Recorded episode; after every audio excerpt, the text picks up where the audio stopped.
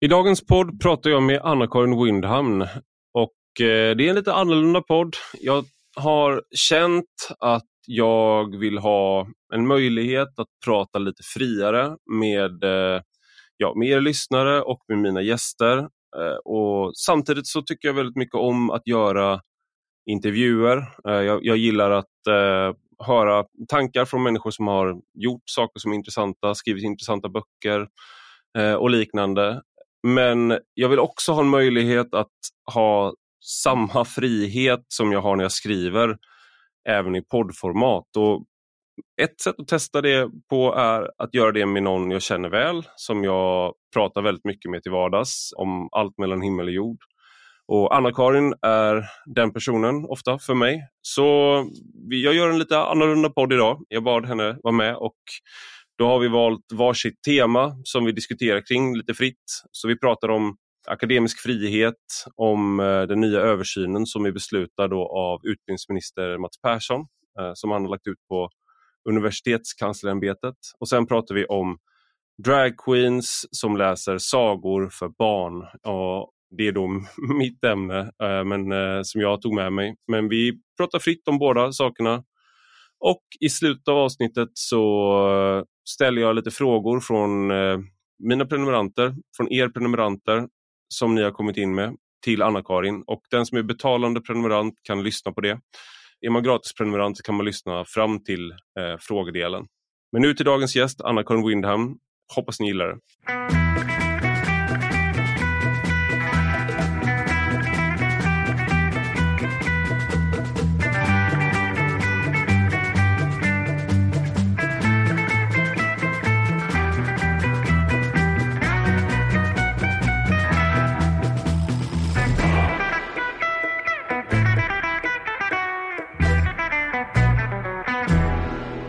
Välkommen till Rak Höger, Anna-Karin Windhamn. Sveriges främsta barnuppfostrare. det älskar du när man säger, är det första man säger, eller hur? Ja, det är underbart. Ja. Ja, jag, du är också är... disputerad, det kan man nämna så bara. Du har disputerat också, men framförallt så har du varit Sveriges supernanny för mm. några år sedan. I ja. ett, eh, ett ganska begränsat antal avsnitt, men ändå. Det är det som kommer att stå på min gravsten. Och alla vill veta hur man ska uppfostra sina barn. Och då mm. är det många som hör av sig till dig och, mm. och med frågor fortfarande. Väl? Faktiskt är det så, men jag känner ju själv att jag har en mycket stor lust att uppfostra vuxna människor. Så om något skulle jag ah. vilja, eh, det är det jag vill specialisera mig på framgent. Att, vad, eh, heter, vad är man då? Om man är, om man är, om man är supernärning när man uppfostrar barn, vad är man när man uppfostrar vuxna då? Eh, jag tänker Prussiluskan skulle kunna vara en ja, titel. Ja, det är där någonstans jag rör mig. Just det, vi håller på att uppdatera alla Astrid Lindgren-filmer. Du kanske till och med kan få spela ja. Prussiluskan i nya Pippi Långstrump. Eller kan behöva vara en casting. svart kanske, jag vet inte. Du har kanske för, ja, för lite mångfald. Ja, hon var ju tysk. Eh, de ah, som spelade Prussiluskan så att man var ju liksom i framkant där redan när man spelade in de här filmerna och hade en viss mångfald i alla fall. Lite utanför Norden i alla fall. Mm. Kontinenten i alla fall. Mm, mm, ja. Mm. Hur är läget? Men det är bra. Alltså det har ju varit en händelserik vecka eh, med, med, eh, stora händelser på vår front, den front du och jag bevakar. Eller hur? Mm. Jag tänker på, eh, på översynen som har aviserats här alldeles nyss. Jag försökte att inleda, för jag vet att innan vi skulle spela in den här podden så pratade vi om att du av, vi avskydde båda frågan hur är läget och sen pratar man 25 minuter innan podden börjar om vad man har ätit och att man har sovit dåligt någon natt och att ens mm. barn hade hosta. Mm. Eh, men nu gick du faktiskt direkt, du, du, du, du bara duckade det och gick direkt på liksom det vi ska prata om. Ja. Det var bra. Ja. Mitt skämt föll platt. Men ja, det har hänt saker på vårt gemensamma område. Som, eh, inför att vi skulle ha den här podden så, så sa jag att du som, som vanligt så frågade jag om vad folk ville veta av dig och sådär. eh, väldigt många, eller flera läsare raljerade över att jag alltid nämner att vi har skrivit en bok ihop. Att jag har skrivit en bok Genusdoktrinen. Ja. Varje ja, hur, avsnitt. Hur skulle man kunna förtiga detta mästerverk? Exakt. Det är obegripligt. Och, och en, jag måste, vi, vi ska inte ta, gå in på frågorna än, utan det kommer eh, mot slutet av podden för de som är betalande prenumeranter. Men en fråga som eh, faktiskt dök upp direkt var om eh, du tycker att jag... Jonas ställer frågan om jag ger dig en rättvis mängd beröm för ditt jobb i boken, med boken. Mm. Ska jag svara på det nu? Eller ska ja, svara, på det. Svara Jonas. Eh, ja, jag har nog aldrig känt att jag har eh, eftersträvat mer eller grämt mig över saker du inte har sagt. Nej, jag tycker du nämner mig ofta och eh, eh understryker att eh, en del av det speciella med vår bok var just att eh, den innehöll inifrån berättelser och sånt där. Som ju inte du hade kunnat skriva om du hade skrivit den själv. Nu har vi ju skrivit alla delar i texten tillsammans, utom mina dagboksanteckningar. Men, eh, men nej, absolut. Och om jag skulle vara missnöjd så kan Jonas vara säker på att jag skulle säga till. Ja, du, är inte så, du är inte så konflikträdd där så, i det. Nej, om någon nu trodde det.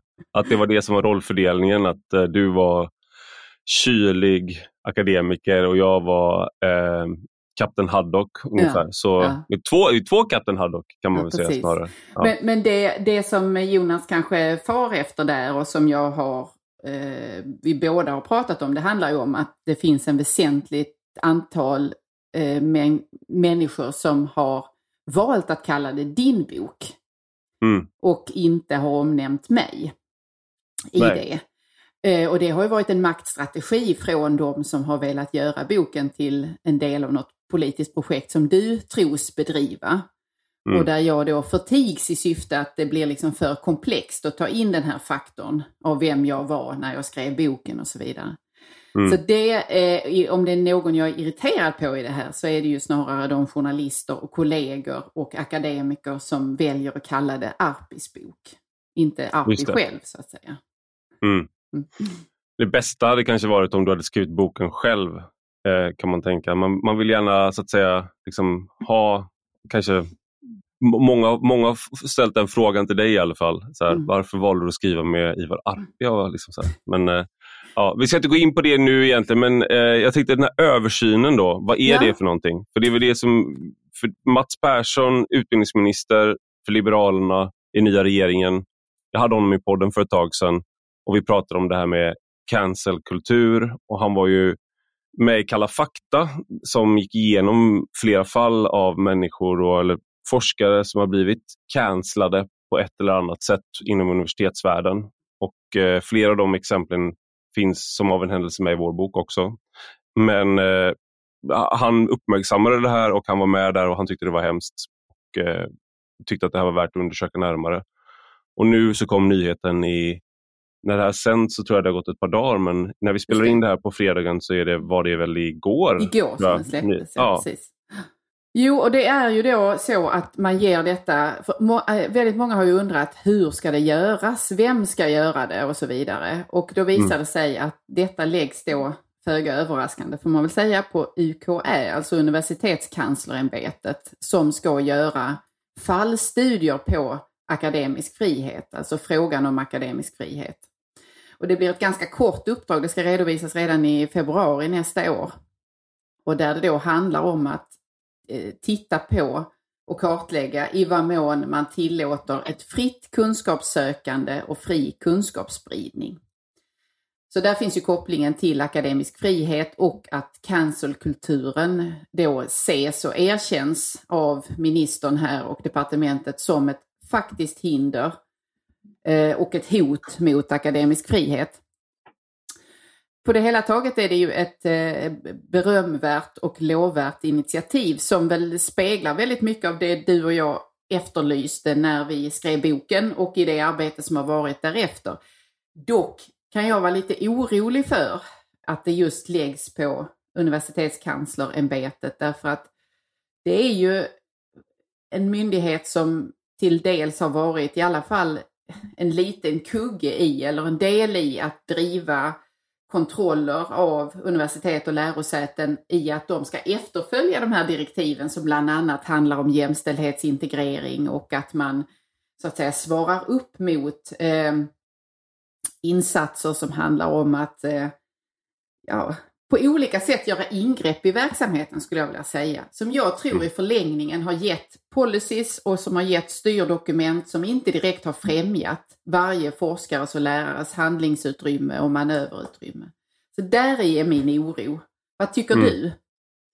Ja, men jag har väl inte superkoll på eh, UKÄ, Universitetskanslerämbetet. Det var ingen, ingenting vi kollade, eller jag kollade inte så noga på det i arbetet med boken eller sådär. Däremot har jag pratat med människor som, har, eh, som vet mer och kanske inte fått den mest positiva bild då, utifrån min horisont av den här myndigheten.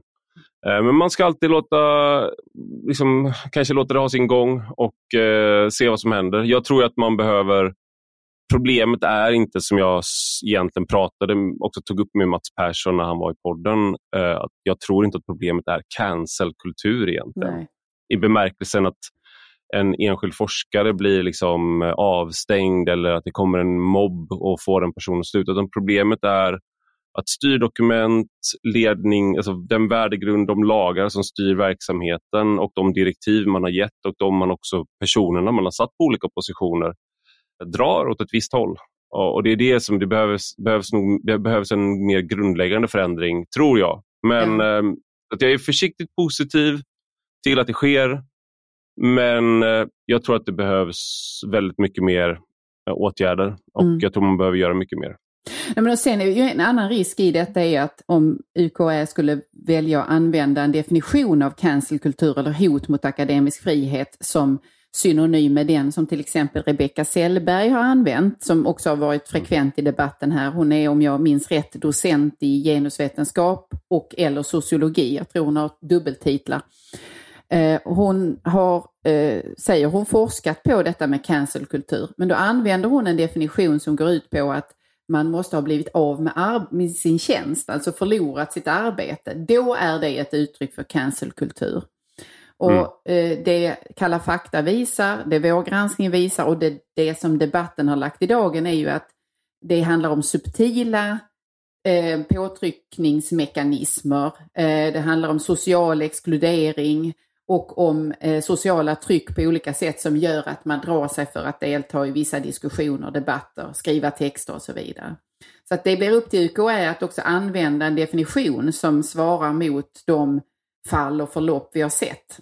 Men det är lite som om en man hotar sin hustru med att eh, du kommer få ett rejält kokstryk om du gör de här sakerna. Och så liksom styr hennes liv med järnhand. Sen återger hon det här hur hennes liv under tio års tid har varit kringskuren och levt i terror och så ställer frågan ja, men hur många gånger fick du stryk då? Hur många gånger använde han våld? Så kanske det är noll gånger. Men hotet om våld och känslan av att det, att det var ett reellt hot. Ingen skulle kunna se på den situationen tror jag och säga att ah, ja, men då var det ju bara, då var det ju, då var det ju bara i ditt huvud. Mm. Liksom. Och det är, väl, det är inte riktigt samma såklart mm. eftersom det är alltså en jämförelse eller en liknelse, inte ett faktiskt exempel. Jag menar inte att universitet är hustrumisshandlare. Men det där är ju också när man kollar på internationella undersökningar om det här som jag vet att eh, Eric Kaufman och Matthew Goodwin till exempel har gjort i Storbritannien och USA. Ehm, då är ju de som är cancellade, det är en väldigt liten procent. Mm. Ehm, jag tror det var liksom, av de som undersöktes var det väl så 3 procent, eller om det var mindre, som hade blivit cancellade på något sätt. Ehm, däremot så var det väldigt många som självcensurerade och och liksom valde bort sammanhang eller valdes bort i sammanhang. Och en, del, en del saker är subtila, andra är mindre subtila men det är inte can, de är inte cancellade då. Nej. Man kanske däremot väljer en annan, man kanske får karriärvägar stängs till exempel. Är det att vara cancellad? Nej, skulle någon säga det, det är någonting annat. Så, mm. sådär. Det är lite som när man diskuterar yttrandefrihet. Mm. Du blir avstängd på alla sociala medier någon eh, deplattformar dig från, ditt, eh, från Patreon och du gör att du inte kan använda Paypal mm. så att du inte har någon möjlighet att tjäna pengar längre på till exempel att ha en podd eller någonting. Är det att vara, ha sin yttrandefrihet kränkt? Nej, det är det inte. För att det är, yttrandefriheten reglerar bara mellan medborgaren och staten. Sådär. Det, blir mm. liksom, det är lite så man använder då cancerkultur, ja, väldigt precis. snävt. Att mm. man missar liksom, eh, skogen för ett enda träd. Mm, mm, exakt. Men det, i det här eh, eh, uppdraget så ingår också att man då ska be universiteten att berätta vad de faktiskt gör för att eh, säkerställa akademisk frihet och, och, och skapa bra eh, en bra miljö för den akademiska friheten att frodas och inte strypas. Och jag eh, kan direkt då se att flera lärosäten kommer då i den, när de får det här påbudet att de ska redogöra för det, då kommer de att anföra att de nu alldeles nyssens har ordnat diverse seminarier eh, om just mm. akademisk frihet och om eh, den påstådda förekomsten av cancelkultur och så vidare. För att om någonting skedde efter att Mats Persson gick ut och sa så här kan vi inte ha det, så var det att det satte igång en eh, process av att man faktiskt började tala om det här vid lärosätena. Och det var ju mm. det du och jag efterlyste väldigt mycket när vi, vår bok kom ut och sa kan vi inte mm. diskutera detta? Vi kommer gärna.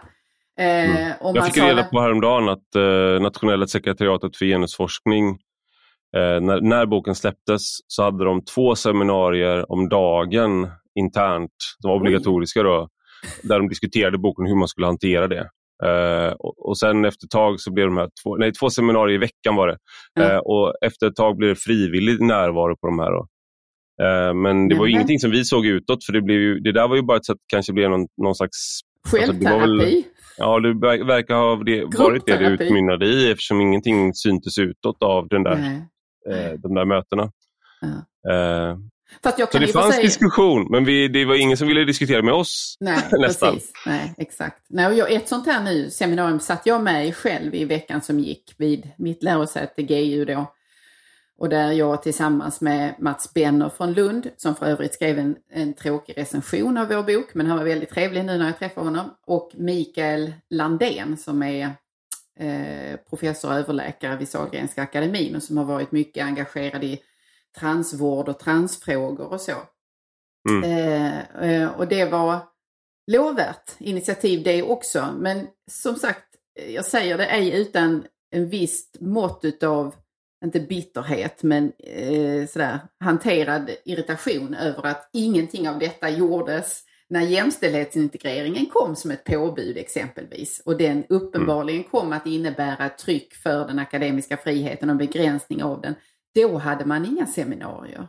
Man hade mm. inga seminarier när autonomireformen kom, som också trots dess namn innebar en begränsning och en förändrad styrning.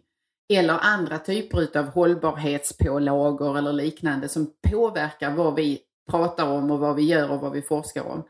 Utan det är när det kommer en, en, en, när en minister säger att vi måste säkerställa den akademiska friheten och det ska jag göra genom en översyn då, då arrangerar vi seminarier och de handlar mm. då om akademisk skyldighet, akademiskt ansvar, mer än om akademisk frihet. Han som ledde seminariet, om jag förstår det rätt, jag var inte där, eh, och, eh, men ah, Ulf Dalnäs som mm. också har då, för den som är på Facebook, eh, han är den som håller i högskoleläckan, som kanske inte alltid lever upp till den här nivån av akademi, den här bilden av att det är så hög akademisk nivå. Så, utan det blir ett skvallerforum och kan vara väldigt låga påhopp där som mm. inte har varit särskilt välmodererade. Och Ulf själv har eh, absolut deltagit i en del av det där. Men absolut. Han mm. tyckte väl i alla fall att eh, men nu Anna-Karin, nu så är du ju här. Mm. Så det måste ju visa att vi inte har något problem med akademisk frihet, för du är här nu. Mm. Det är jo, han fantastiskt. Sa, han sa samma, han ledde också ett seminarium jag deltog i på Bokmässan där han hade samma ordvändning, att det faktum att jag fanns med i panelen var ett tecken mm. på att jag inte alls hade så att säga, jag var inte ett föremål för någon slags cancellering eller för tryck eh, eller eh, tystnadsförsök eller sådär. Men Eh, vilket jag, när vi pratade om detta på seminariet så påpekade jag just att den här högskoleläckan, om någonting innebar en påfrestning på att orka fortsätta prata om det här så var det just det eh, eh smutskastande och geggeri som höll på och som fick lov att pågå där under moderatorernas översyn. Jag minns en gång du och jag la in någon text där, vi hade skrivit någon replik och den blev omedelbart bortplockad. För vi fick mm. inte lov att skriva där och publicera oss och lägga in försvar. Däremot fick de gegga runt hur mycket som helst om vilka vilken eh, akademiskt misslyckad person jag var och vilken högeragenda du drev och som du hade lurat in mig på och så vidare. Det roliga var att de inte hade läst boken. De, flera av dem som, de flesta av de som skrev då, när man ställde en direkt fråga så sa de att nej, jag har inte läst boken, jag behöver inte läsa boken för det är inte en akademisk bok, jag vet redan. Eh, vilket ju är en väldigt så att säga, akademisk eh, inställning. Får man säga. Ja, verkligen. Eh, och det, då förstår man att man måste doktorera för att få liksom, mm. komma upp till den argumentationsnivån. Mm. Eh, men jag, jag, tänker, är, det något, är du cancellerad då? Alltså, för, ja, men jag, jag, ska svara, jag ska inte svara på frågan själv för att grejen är att det, det blir så absurt egentligen när, när man säger sådär till dig. Eh, för att det det handlar om är ju inte att vi har, du har skrivit en bok eller du har skrivit om de här sakerna för att du måste få eh, massa liksom, inbjudningar, även om det såklart är kul. Men det är ju inte det som är poängen, inte för mig heller. att så här, mm. Jag måste få vara i alla sammanhang. Annars så är jag cancellerad. Det är inte det som är Eh, jag, annars är jag tystad. Det är, det så jag framställt som att jag säger det. Men det det handlar om är ju de här forskarna vi, vi skriver om. Vi har ja, intervjuat liksom, hundra, mm. eh, hundra forskare och, och, studenter och liksom, människor på olika nivåer. Det är dem det handlar om. Det handlar mm. om kulturen.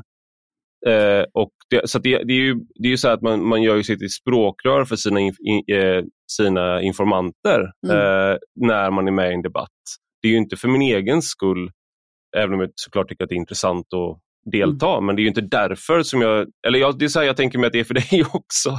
Jo, så precis. Ord i munnen Nej, på dig. Jag saknar inte ytor att eh, eh, skriva på eller göra min röst hörd. Men jag vet ju att mellan när bok, från när boken kom till nu har det funnits en rad sammanhang när man inom akademin, också inom mitt eget lärosäte, har pratat om de här frågorna och om då framförallt det yttre hotet mot akademin eller hotet som finns i Polen, Ungern, Kina och Ryssland och så vidare. Men och till dessa samtal är jag inte inbjuden, eh, har aldrig varit från mellan boken och nu, fram till nu då i måndags. Och det är ju för att om jag förs in som en komponent i samtalet så kommer jag att göra precis som jag gjorde på det här seminariet och säga, men vänta lite, vi pratar ju om hotet inne i akademin, eller som kommer mm. ifrån vår egen politiska styrning. Mm. Eh, vi talar inte om hot som är, där vi lätt kan identifiera det i andra länder, i andra system. Eh, låt oss tala om det som sker här. Jag säger så och då blir diskussionen svårare. Och då mm. blir det också svårare att identifiera vem som är fienden eller var hoten kommer ifrån. Ja, det kanske är för att det är du som är fienden då. ja, exakt.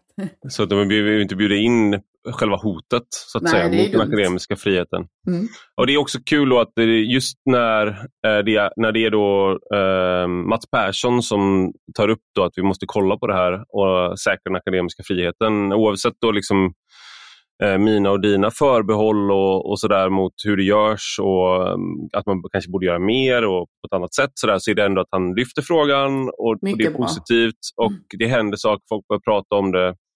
Eh, men då blir folk eh, så att säga, inom akademin, många av de som vi har granskat, mm. då blir de jätteoroliga för den här akademiska politiken. måste vi hålla på armlängds avstånd. Mm. Då börjar man höra sånt. Mm. Och Det hörde man inte när politiken stod eh, liksom på deras eh, sida. Så att man, när det blir fel så att säga, politik så blir man plötsligt orolig för eh, politisk yeah, påverkan. Precis. Innan dess är det jätteviktigt att politiken är med och visar vägen. Precis, men det jag tror att vi kommer att se nu ganska snabbt och som jag tolkar de här kvickt arrangerade seminarierna som äger rum eh, hos, här i Göteborg och vid andra lärosäten. Jag vet att de har ett i Lund nu i, i veckorna också. Eh, I vissa fall handlar det om någon slags reträtt under rökutveckling. Det vill säga mm. att eh, det är inte de övertygade ideologerna utan de som har tidigare tyckt att det här är en, en, en, sak man kan hoppa på. Här kan man tjäna lite mm. uppdrag, här kan man eh, ro hem lite tid och jobba med frågor om jämställdhetsintegrering eller någonting sånt. Eh, de ser nu att det vänder lite och då, mm. blir man, då är man inte lika övertygad och besjälad längre utan man går till reträtt och man framställer sig själv som vore man, hade man varit en, en förespråkare av akademisk frihet och vikten av armlängds avstånd hela tiden. Det är bara mm. det att det har man inte varit utan man är det nu därför att det visar sig vara mer gynnsamt att vara det. Men du och jag var ju det redan när det kostade. Ja precis, vi var lite korkade där. Vi väntade ja. inte in att vinden vände utan vi, vi började innan. Men jag, jag tänkte vi skulle gå vidare lite. Mm. Jag tänkte vi skulle diskutera lite olika saker idag. Eh, och lite apropå det här med eh, att kulturen och armlängds avstånd och sådär. Så tänkte jag att jag skulle prata om eh, jag ska inte lägga in en trumvirvel här, ni får bara tänka er trumvirvel, men jag ska prata om Drag Queen Story Hour, alltså sagoläsning av drag queens. Eh, har du sett det någon gång? Har du varit på någon sån? Nej, eh, eh det har jag inte. Alltså den lilla byn jag kommer ifrån, Tågarp, mm. där hade vi faktiskt en, eh, en person som... nej, det var inte... Lasse Flinkman bodde ju faktiskt där under många mm. år. Som för övrigt gjorde min tårta till mitt bröllop. Ja. Lasse vila i frid. Han var en mycket, mycket fin person. Men jag var aldrig på någon arrangerad sagoläsning. Det fanns inte då i början på 80-talet på det sättet. Nej. Nej. Har du?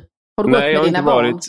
Nej, jag har inte gjort det. Tänker inte göra det, men jag har kompisar som har gjort det. En, en, en av mina bästa kompisar eh, var på en eh, sagoläsning med en dragqueen. Och ha, hans främsta kritik var att det var väldigt oinspirerat av dragqueen. Alltså att det inte var så... Mm -hmm. En trött dragqueen? Ja, men det var liksom inte så bra sagoläsare. Mm. Vilket liksom alltså, för jag, jag kommer ju från en lite så här, min mamma hållit på med teater hela livet och improvisationsteater. Så vi har, alltid, vi har teater, gått på mycket teater och hållit på mycket med sånt. Mm. Så jag, hon och hennes vänner har arbetat med just sagoläsning och den typen av sagoberättande. Förmedling. Alltså, förmedling, också mm. berätta och gestalta sagor. Hur gör du, gör du det på en scen? Hur involverar du publiken? Och jag, så jag är uppvuxen med en av mina maddrar, som heter, en av mina gudmödrar. Hon är liksom professionell sagoberättare har varit en av hennes huvudsakliga inkomstkällor. Men det här med Drag Queen Story Hour är ju någonting annat. då. Det är ju mm. liksom inte så att säga själva sagoläsningen som är i centrum. Men jag, jag, tycker att den här frågan är lite knepig för att det är så här, jag tycker inte att det är världens största grej eh, egentligen. Mm.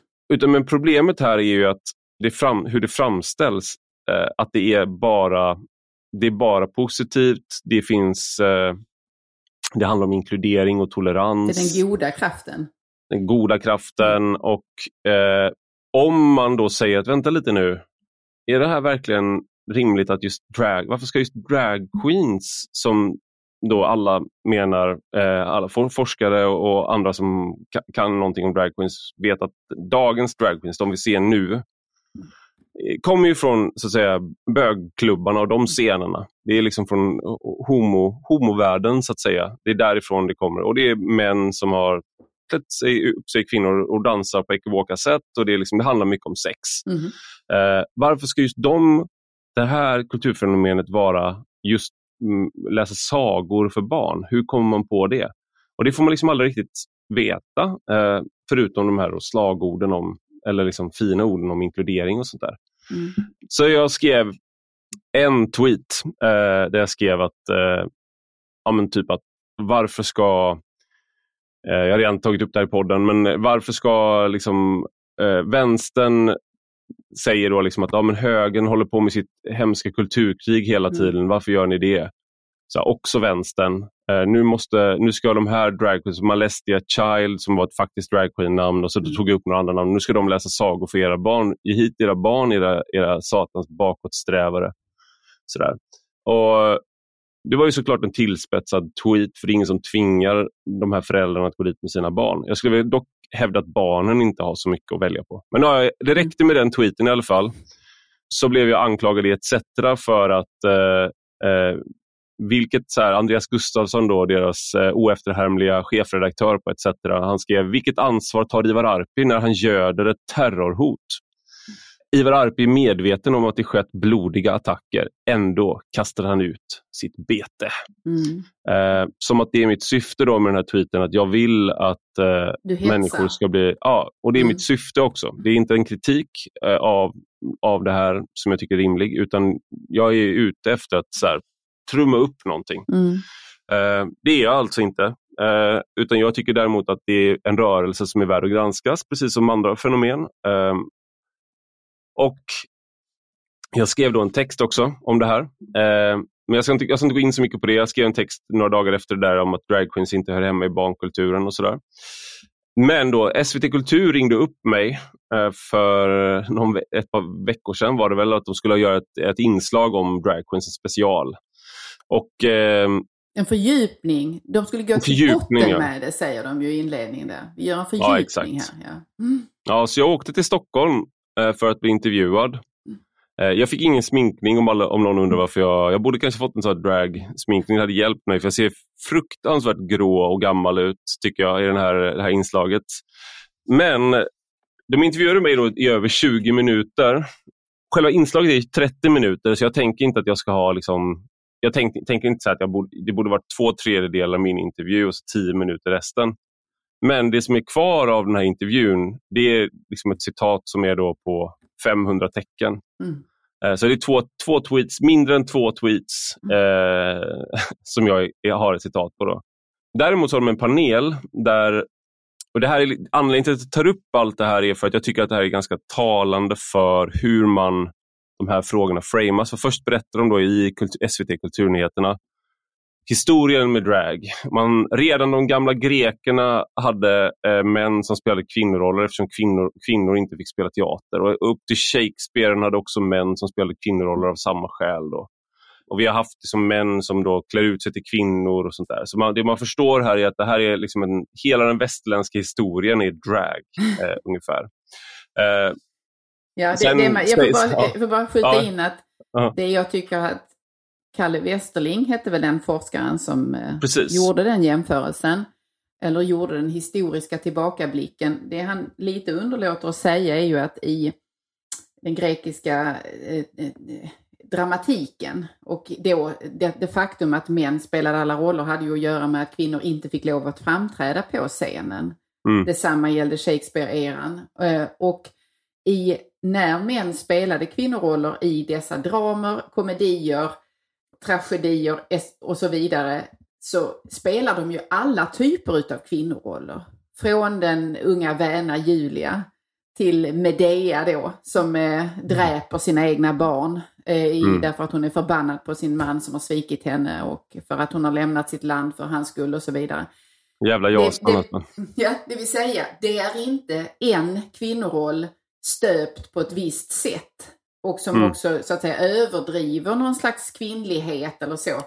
Eh, vilket jag tycker han lite gör sken av, att det är, finns en rak linje mellan då drag queens idag och hur de gestaltar femininitet och så vidare till den tidiga teatervärldens eh, enkönade roll, eh, skådespelararsenal så att säga. Rollerna mm. var ju varierade. Uttrycken mm. var varierade. Så det, det, är liksom en, det, det blir lite mer man får lite mer variation i det, eller djup i det då tycker jag i detta fördjupade program, om man hade sagt det. Ja, precis. Och det, eh, han, man ska säga det då att det är en panel som kommenterar eh, olika inslag som de, de ser det tillsammans med oss tittare då, så kommenterar de. Och de som sitter i panelen är då bland annat Kalle Westerling som har forskat om drag queens, eh, eller forskar om drag. Eh, och han är också då en Eh, en person som själv har en historia ehm, i, i en teatergrupp som heter KUNK som är då mm. Vad det var namnet på en teatergrupp för queerungdomar som verkade mellan 2001 och 2005. Som tog, så här står det då på scensverige.se, att de tog hbtq-världen med storm i och med deras föreställningar i samband med Pride varje år. Målet för KUNK var bland annat att verka identitetsstärkande för icke-heterosexuella ungdomar samt att omstörta heteronormativiteten. Mm. Så det här är ju, det, det är forskaren då som är, eh, eh, som är en av de som pratar. En, andra, en av de andra paneldeltagarna är Robert Fuchs som är då eh, själv är dragartist. Nu vet jag inte om eh, Kalle Westerling själv är det. Eh, det framgick inte i inslaget. Jag har inte liksom, har inte gjort några jättestora efterforskningar på hur mycket, om han bara forskar om drag eller om han själv gör det. Eh, men han är då, Robert Fuchs är då eh, själv en dragqueen som läser sagor för barn i olika länder och delar av Sverige berättar han i inslaget. Eh, och han ska också leda den svenska versionen av RuPaul's Drag Race mm. som är inne på sin femtonde säsong i USA mm. och sen står i sin svenska variant med Robert Fuchs som programledare i vår. Sen är det Matilda Kjellén som är då eh, eh kulturjournalist på DN och eh, har skrivit om den här frågan. Men jag är då, när man, i det här inslaget så får du ju då, liksom, de, de som är kritiska till det här, det är Proud Boys, de här högerextrema i USA, det är Qanon, mm. de som, jag, vet inte, jag vet inte exakt vad det är de tror på, men de är, eh, tror på de så här galnaste sakerna man hör mm. om amerikansk extremhöger eller alt-right och sånt där. Och eh, högerextremister generellt nämns eh, och, och Ivar Arpi. Yeah. Eh, och jag fick då 500 tecken, jag fick då några sekunder och de har 30 minuter där de kan diskutera det här på längden och bredden. Och jag förstår att SVT då, de har ju tänkt här att de alla ska få höras har de tänkt. Alla ska få Alla höras. Ska få höras ja. Mm. Men vem, vem fan är Ivar Arpi att uttala sig i den här mm. frågan? Tänker de ju också. Och vi tar in människor som vet någonting om vad de pratar om, det vill säga en journalist från DN Kultur, en dragartist som är ledande och en som har forskat om drag men själv är liksom då, med sin historia liksom investerad i det här.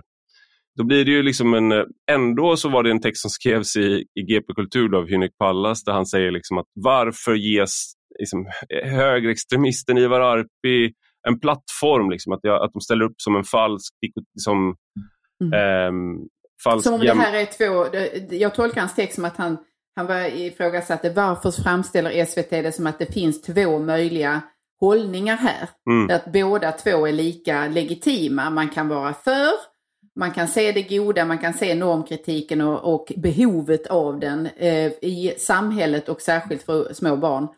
Eller man kan inta hållningen att det här kanske man eh, ska fundera lite på i vilka sammanhang man använder den här formen utav teater eller vad vi då ska kalla det. För att eh, det mm. var ju det både Fuchs och Westerling var inne på, att vi ska se det som en form utav teater som mm. också innebär att man tänjer på och utmanar könsroller, könsmönster och kategoriseringar. Och eh, jag har inga problem med något av det senare egentligen. Jag tycker det är bra. Och väldigt många eh, liksom, stora språng i samhället har ju, utvecklingssprång har ju tagits genom att man har utmanat på eh, ett sätt som också innebär att man sätter någonting på spel själv i mm. detta. Mm. Men din kritik handlar ju inte om den delen, utan som jag tolkar det handlar din kritik om varför är det så viktigt att detta ska ske riktat just mot väldigt små barn, alltså barn som mm. inte är i skolåldern ens ännu, eftersom det då är sagostunder som riktar sig till förskolebarn eller barn eh, som är hemma med sina föräldrar under föräldraledigheten. Och det är ju de mm. flesta i liksom de första åren av livet då. Det, det är precis det, och det, jag, jag menar, jag, jag tror att Nick Pallas har, eh, han är helt rätt på så att säga hur de på SVT har varit, var, hur de har varit oroliga när de har tagit den här lilla tweetlängden på vad jag sa. Eh, mm. För att de vill, ville undvika att framställa mig som en likvärdig position, det jag sa som en likvärdig position. Mm. Eh, de hade också med en, eh, en, en feminist som kritiserade, och var inne på den kritiken som du var inne på, där att varför är det liksom är det så här kvinnlighet framställs? Alltså det vi borde framställa, för henne var det väl från, snarare viktigt att visa att man kan vara precis som man är, inte den här överdrivna liksom, bilden av vad, en, vad kvinnlighet är. Ja, precis. Och, och det, eh, när jag hörde hennes inspel där så tänkte jag mig till minnes, för jag såg dokumentären om Christer Lindarw eh, som sändes under julhelgen på SVT, finns på SVT Play fortfarande. Eh, eftersom After Dark ju var, det nämndes ju i det här programmet du medverkade i också, att det var en viktig gränsförflyttare och dörröppnare i att göra eh, dragshowen populär och folklig. Och att mm. till och med liksom vårt kungapar gick tidigt och fanns med och tittade på Christer Lindarw och så. Men i eh, den väldigt eh, eh trevliga är det verkligen, det, det, är det bästa ordet jag kan komma, trevliga porträttet av Christer Lindarw och hela hans fantastiska karriär. Så, så säger han så här att det var viktigt för oss när vi slog igenom och när, när eh, After Dark verkligen blev brett och folkligt att vi inte gjorde en poäng av att vi också var homosexuella. Därför att vi ville inte, och nu tänker vi annorlunda kring detta, men de ville inte då att publiken skulle göra lika med tecken mellan eh, man i kvinnokläder och eh, homosexuell. Mm. Utan man skulle så att säga, om de lyckades forcera fördomar i det de gjorde så var det gott nog. De behövde liksom inte dra det ett varv till. För risken var då också att tittarna såg, jaha, det är så man är, blir om man är på det viset. Och så är det mm. ju inte, precis som den här kvinnan i ditt program underströk, att man kan vara på väldigt många olika sätt. Det finns liksom ingen, det är inte, det är inte, är man sån så är man också en person som klär ut sig i det andra könets kläder och så vidare. Ja, men det, det är väl det som är min... Eh, alltså det, det, jag, det jag kritiserar i, i det här är ju inte dragshower i sig. Jag tycker att det är helt, liksom, jag vet inte, det blir så absurt att man ens ska säga det. det, låter, det låter, om, om man hamnar i en position där man säger att man tycker det är okej, okay, då har man gjort något fel. Liksom. Men jag tycker det, det är inga, jag har inga, aldrig haft någon kritik av det. Eh, utan det varför ska drag queens läsa sagor för barn? Och då, om man lyssnar på vad Robert Fuchs säger så säger han ju att eh, det, det en dragqueen kan göra är att visa för barnet att du är viktig i din egen rätt. Eh, och att dragqueenen kan visa då att mitt mod kan också vara ditt mod eh, och liksom överföra det och visa att barnet själv får bestämma. Så här säger han då. Mm. Eh, du är vacker och viktig i din egen rätt. Det är det dragqueenen står för. Och Eh, för det första så har jag väldigt svårt att se liksom, kopplingen mellan att då göra en, en sån här eh, klä ut sig på det sättet att det är naturligt är just det han säger att det är det det handlar om. Jag skulle snarare säga att det är en väldigt, eh, liksom, det, det, är väl absolut inte en, kan vara, man kan också se det som att det är en otroligt friserad version av någonting. Det är en lek med en roll men jag skulle inte säga att det nödvändigtvis har att göra med och det är kan fylla en funktion ändå. Men jag vet inte om det för det, den sakens skull har någonting med det, det, han säger att göra. Men det visar kanske mer att han, är, det, han vet hur man ska prata om det här med frihet, individens mm. frihet att välja själv och då använder vi det här språkbruket om att hitta sitt autentiska jag, att få uttrycka sig själv. Kärnan.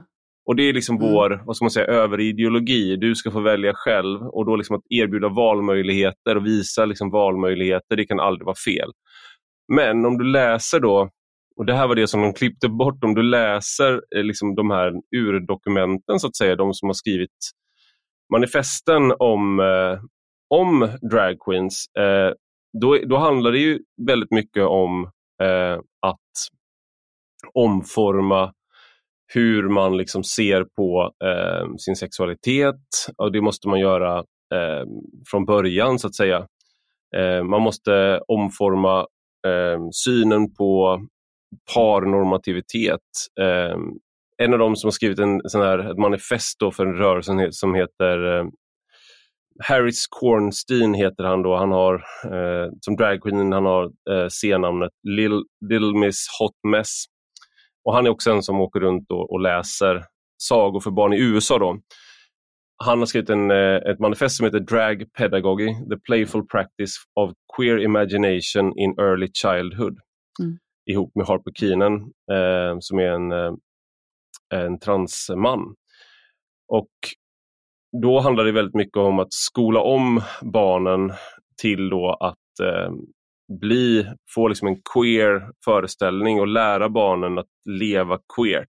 Mm. Eh, och få barnen att få en queer föreställning om sig själva. Eh, och de säger liksom att ah, men, vi är vi pratar om inkludering och vi pratar om det här, men egentligen så handlar det ju om eh, att förändra, alltså vi vill inte inkluderas i de här sammanhangen. Som Christer Lindar kanske då handlade om, när han pratar om det, att han det handlar om inkludering, att mm. få folk att bli mer toleranta.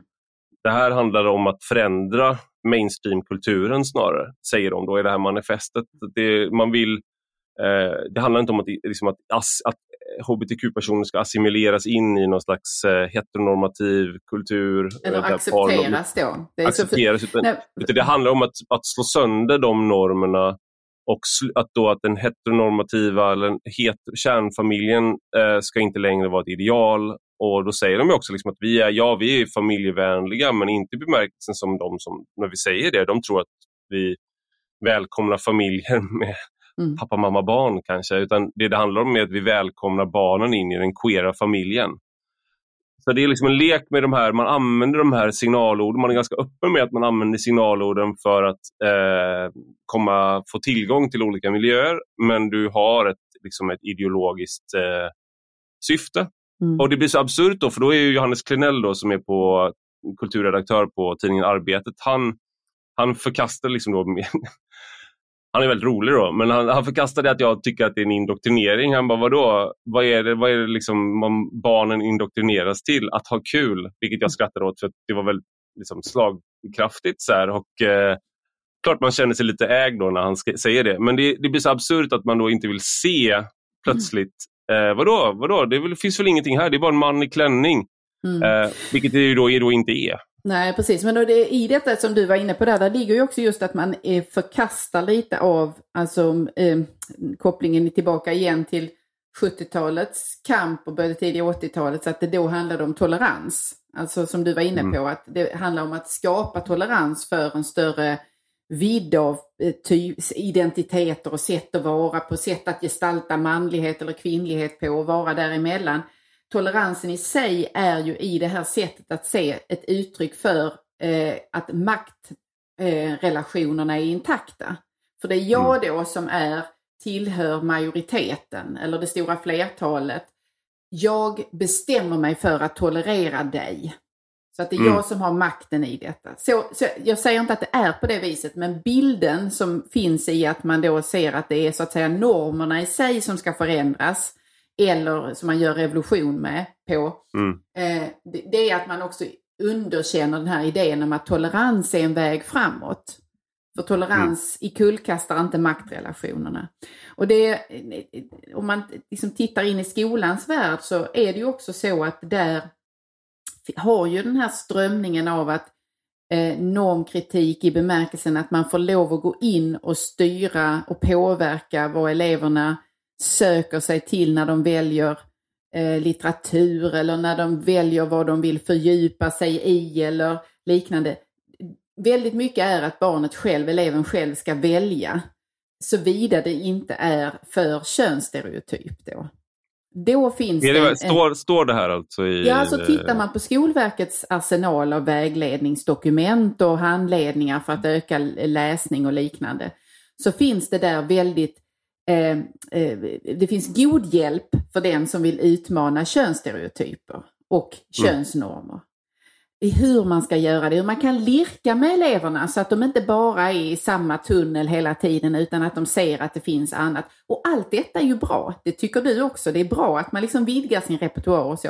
Det är bara märkligt att det är just i de här aspekterna de här aspekterna av vem man är eller av identiteten eller av bilden av hur en, ett familjeliv ska gestalta sig eller vilka intressen man får ha. Därför man får gå in och peta i, en, i ett sätt eller i en mm. riktning men inte i, i, andra då. Så visst finns det någon slags överbyggnad i detta, det, det, ser jag också. Men det betyder ju inte att varje individ, varje sagoläsande dragqueen ser sig som en förmedlare av det programmet. Utan man kan ju ha diverse skäl för att man sätter sig och vill läsa sagor på ett bibliotek. Mm. Och det, och det, såklart att det finns eh, olika skäl, alla behöver inte skriva under på det här, de här manifesten och eh, i, i, USA så är det också dragshower för barn och liknande, att man har, eller att du har liksom stripdanser motsvarande eh, för barn där, som dragqueens gör. Ehm, och man har ju också dragtävlingar för barn där barn håller på med drag själva liksom och blir drag Så jag, jag menar ändå någonstans att det här är vuxenkultur där man sexualiserar barn. Och det liknar till viss del det, det som var på 70-talet och 60-talet där man eh, man hade ju en tanke om att den här sexualmoralen den var föråldrad mm. som vi hade och eh, på, på vissa sätt hade man rätt. Att det, man var väldigt, eh, det var väldigt snäva roller för till exempel eh, homosexuella eh, och sådär innan liksom, den sexuella revolutionen. Eh, men i den här, man, tappade, man blev fartblinda också. Alltså, det fanns ju folk som ville liksom, att det skulle vara en underavdelning till RFSL som liksom skulle vara då för mm. pedofiler till exempel. Um, och fanns en sån arbetsgrupp som hade, samma, som hade sin brevlåda där. Alltså, mm. det har funnits en sån, det betyder inte att RFSL, för det blir nedröstat i RFSL, det betyder inte att liksom, det betyder inte att drag queens är eh, det har också varit en anklagelse jag fått då, att jag menar att det här är pedofiler. Liksom, som, så här, och det, det menar jag inte. Däremot så tror jag att det här är en, det är en uppmuntran av att tänka sexuellt eh, redan när du är väldigt liten. Och Det här höll man på med på 70-talet också. Då höll man ja. på så här, det var ju någonting nu när jag, när jag höll på att skriva den här texten så skickade du en eh, en barnuppfostransbok från 70-talet som var eh, vida spridd och där det finns eh, väldigt tydliga passager i att eh, man ska så att säga introducera barnet i sexualitet och inte på något sätt, absolut inte eh, skambelägga, det har vi inte nu heller, men det, mm. det, det, det, märkliga i det är så att säga att sexuell aktivitet gärna uppmuntras att bedrivas i närheten av barnet då. Mm.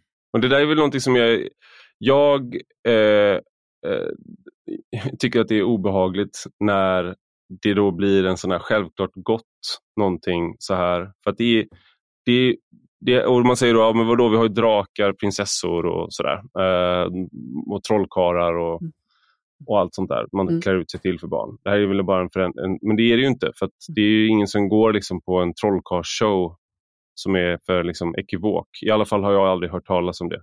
Nej. Utan det här, är, det här tillhör ju liksom en, en vuxenkultur. Jag, jag skulle inte heller vilja ha att BDSM-kulturen gjorde en barnversion för barn. Vilket Nej. då var den här kritiken som Bingo Rimér och eh, Nathalie eh, eh, Kazmierska, nej, Katrin Zytomierska, mm, mm. förlåt, det, det är rasistiskt där. Eh, men de hade en sån Pimps and Hoes-fest då, där även barnen klädde ut sig mm. I liksom BDSM-utstyrsel. Eh, och eh, de gjorde misstaget att lägga ut det i sociala medier, men de gjorde också, liksom, jag tycker det är omoraliskt. Vad ska man ha den här piskan till mamma? Ja, precis. vad, är, vad är hästen liksom? Eller vad är det, vad är det man, är det ett vapen liksom? uh, ja. ja. men det, det är konstigt att, att det blir att uh, vi någonstans, det där går ju in i ett väldigt mycket kultur idag, tycker jo. jag, för mig är, är så sexualiserad så tidigt. Men, men det, tänker du inte samtidigt att, för det jag tycker att det finns, det är två lika starka rörelser, det är det du beskriver nu. Samtidigt som det finns en nyviktorianism, skulle jag vilja mm. säga, mm. i att eh, vi skyddar barnen och det får liksom inte vara eh, ta de här böckerna som har varit älskade av flera generationer barn nu, Bert, Sune, böckerna mm. till exempel, som eh, i sitt ursprung innehöll skämt också med hur barn, eller då pojkar är det ju som är huvudfigurerna där, eh, uppväx, alltså där deras eh, begär till flickor i klassen och så vidare uppväcks. Och det finns någon, mm. någon scen där eh, en av de här grabbarna tar sin fröken på bröstet. Och det mm. där klipptes ju bort i, eh, mm. när SVT skulle återpublicera denna då som julkalender. Eh, därför mm. att det uppfattas som stötande och fel och så. Men egentligen i grunden vad, vad Sören Olsson och Anders Jakobsson skildrade där är ju precis samma sak. Nämligen ett barn som börjar, där begär börjar väckas på något sätt i någon riktning mot något föremål, mot någon individ. Och det i sig ska ju inte skambeläggas. Det är en del i att liksom närma sig nästa fas i livet som alla går igenom med olika utfall så att säga. Mm. Men där är vi väldigt kyska. Men vi är inte kyska i det du beskriver. Nej, det finns en, ja, när det anses vara heteronormativt, då är det väldigt problematiskt tror jag. Mm. Och eh, det är väl samma sak med, man pratar om pornografi som skadlig och jag håller med. Jag tror att det, jag tror att det, jag, liksom, ja, jag skulle, jag tror inte kanske på förbud så mycket men jag tror det skulle vara bra om eh, killar och tjejer, men framförallt killar är det ju som att om man slutade kolla på porr eller kollar väldigt mycket mindre på det i alla fall. Mm. Men det man pratar om då är också hur kvinnor utsätts. Men det liksom handlar om homosex porr eh, för homosexuella till exempel så är det inte någonting som är egentligen problematiseras särskilt mycket. För då försvinner den här grundläggande mm. Mm. analysen. Mm. Eh, och så är det ju lite med det här också, eh, skulle jag säga. Att eh, det är, om det är en liten pojke som då ska köra drag och han är 6-7 år, då är det fine på något mm. sätt. För det handlar om hans genuina, autentiska uttryck då för att använda det här språkbruket om att du kan vara vem du, vem du, den du är och sådär. Eh, men om, om det skulle vara någonting könsstereotypt eh, och manligt, då skulle man tänka, oh, men gud, vad föräldrarna de kan inte ha erbjudit några alternativ. Mm. Liksom, så här, mm. det... här talar vi förtryck. Det här, är ja. det här är för, kommer förtrycket fram. Ja exakt, men jag, mm. jag skulle bara vilja avsluta mm. här för jag tycker liksom att jag låter som en, jag är lite gnällig här kanske. Eh, jag, jag, tycker då, eh, inramningen med SVT Kultur som jag tycker är ganska typiskt, det, det, är att de är väldigt representativa i hur de här frågorna eh, ofta framställs i av, menar, av SVT, stora tidningar, liksom etablissemanget eh, om man nu vill säga så. Och det är att man, väldigt, väldigt, man är väldigt snabb att acceptera den här framingen som att det här handlar om de här fina sakerna. Det handlar om rättigheter och då blir det liksom att om en kritiker blir per definition då, är du mot rättigheter? Är du, mot, uh, är du för hat? Liksom, är du för fett hår?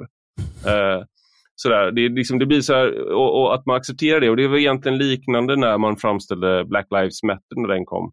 Det var så självklart att man gjorde dem till arvtagare till medborgarrättsrörelsen. Även om de inte var det, mm. eh, skulle jag hävda. Mm. Även om det fanns, det fanns likheter, men det är ingen självklarhet att göra den kopplingen. Um, och göra det som, framställa det på det sättet. Uh, men då, att vara kritiker innebar i princip att säga att jag har också en dröm där vita och svarta kan gå på leva separata liv. Alltså det blir som att man kritiserar själva grunden för Martin Luther King. Då, uh, sådär.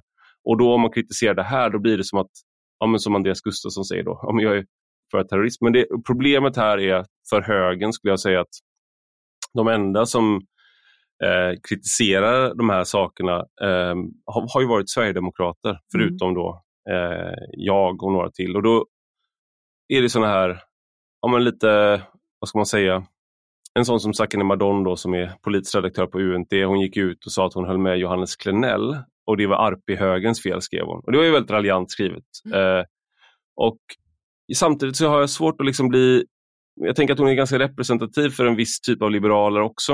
Eh, som ser det här inslaget kanske och bara, men vad är det han säger? Varför mm. säger han så? Och så sitter man och lyssnar på de här ganska resonabla personerna då. En forskare. Man har sett det fördjupade inslaget, det fördjupade ja. avsnittet. Här får vi reda men, på allt. Ja, ja men precis. Varför, varför avskyr han After Dark? Varför, var liksom, varför vill han inte att det ska finnas män som klär ut sig till kvinnor någonsin? Mm.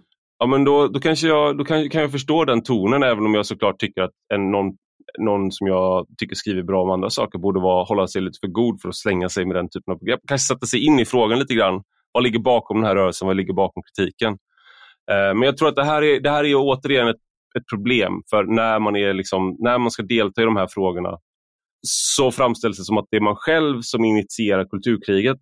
Men det är ju faktiskt inte jag som åker runt och läser sagor för barn det är kanske nästa kulturkrig, kanske det jag borde göra. Jag borde åka runt och läsa, skriva några sagoböcker och åka runt och läsa dem så kan vi se vad reaktionerna blir då. Och hur, det är inslaget i SVT Kulturnyheterna. Ja, jag köper biljetter till det. Ja, men bra. Men då har jag eh, eh, gråtit ut i min egen podd om eh, hur illa behandlad jag blev av public service. Så nu har jag hittills uppfyllt hela stereotypen på en, eh, en eh, högerman. Eh, sådär. Men du hade... Du hade eh, jag ska bara säga att jag, jag, jag delade, när jag var med i Sverige möts senast, mm. så eh, hade jag baksmälla dagen efter av ungefär den känslan som du har beskrivit här nu. Mm. Eh, dels för att uppställningen var sådan. Jag, jag frågade innan vi gick in, har ni väl inte ställt oss så att det är liksom en slags för och emot utan vi blandade, mm. vi var åtta stycken. Nej, nej, nej, nej, nej, det är inte så att det är två olika block liksom. Så kommer jag in mm. och så är det precis så. Ja. Och, och så har man hamnat i det onda lägret då. Just det. Och så säger alla, du, det var ju Darth, tråkigt att se. Det var du, Darth Vader och Sauron ja. som debatterade tillsammans. Ja. Eh, och då känns det liksom, det blir timmen ganska lång kan jag säga. Mm. Mm. Så jag, jag förstår vad du menar. För att lyssna på hela avsnittet kan du bli betalande prenumerant, vilket du kan bli på ivararpi.substack.com eller ivararpi.com. Båda adresserna fungerar. Och för 5 euro i månaden eller 50 euro om året så får du både allt gratis material men du får också ta del av diskussionstrådar som bara är för betalande prenumeranter.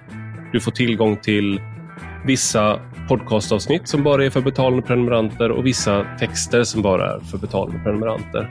Och jag har ingen reklam, jag har ingen tar inte emot några pengar från marknadsföring eller liknande, utan jag förlitar mig helt och hållet på er läsare och lyssnare. Så genom att bli betalande prenumerant så gör ni det möjligt för mig att fortsätta att vara en självständig röst.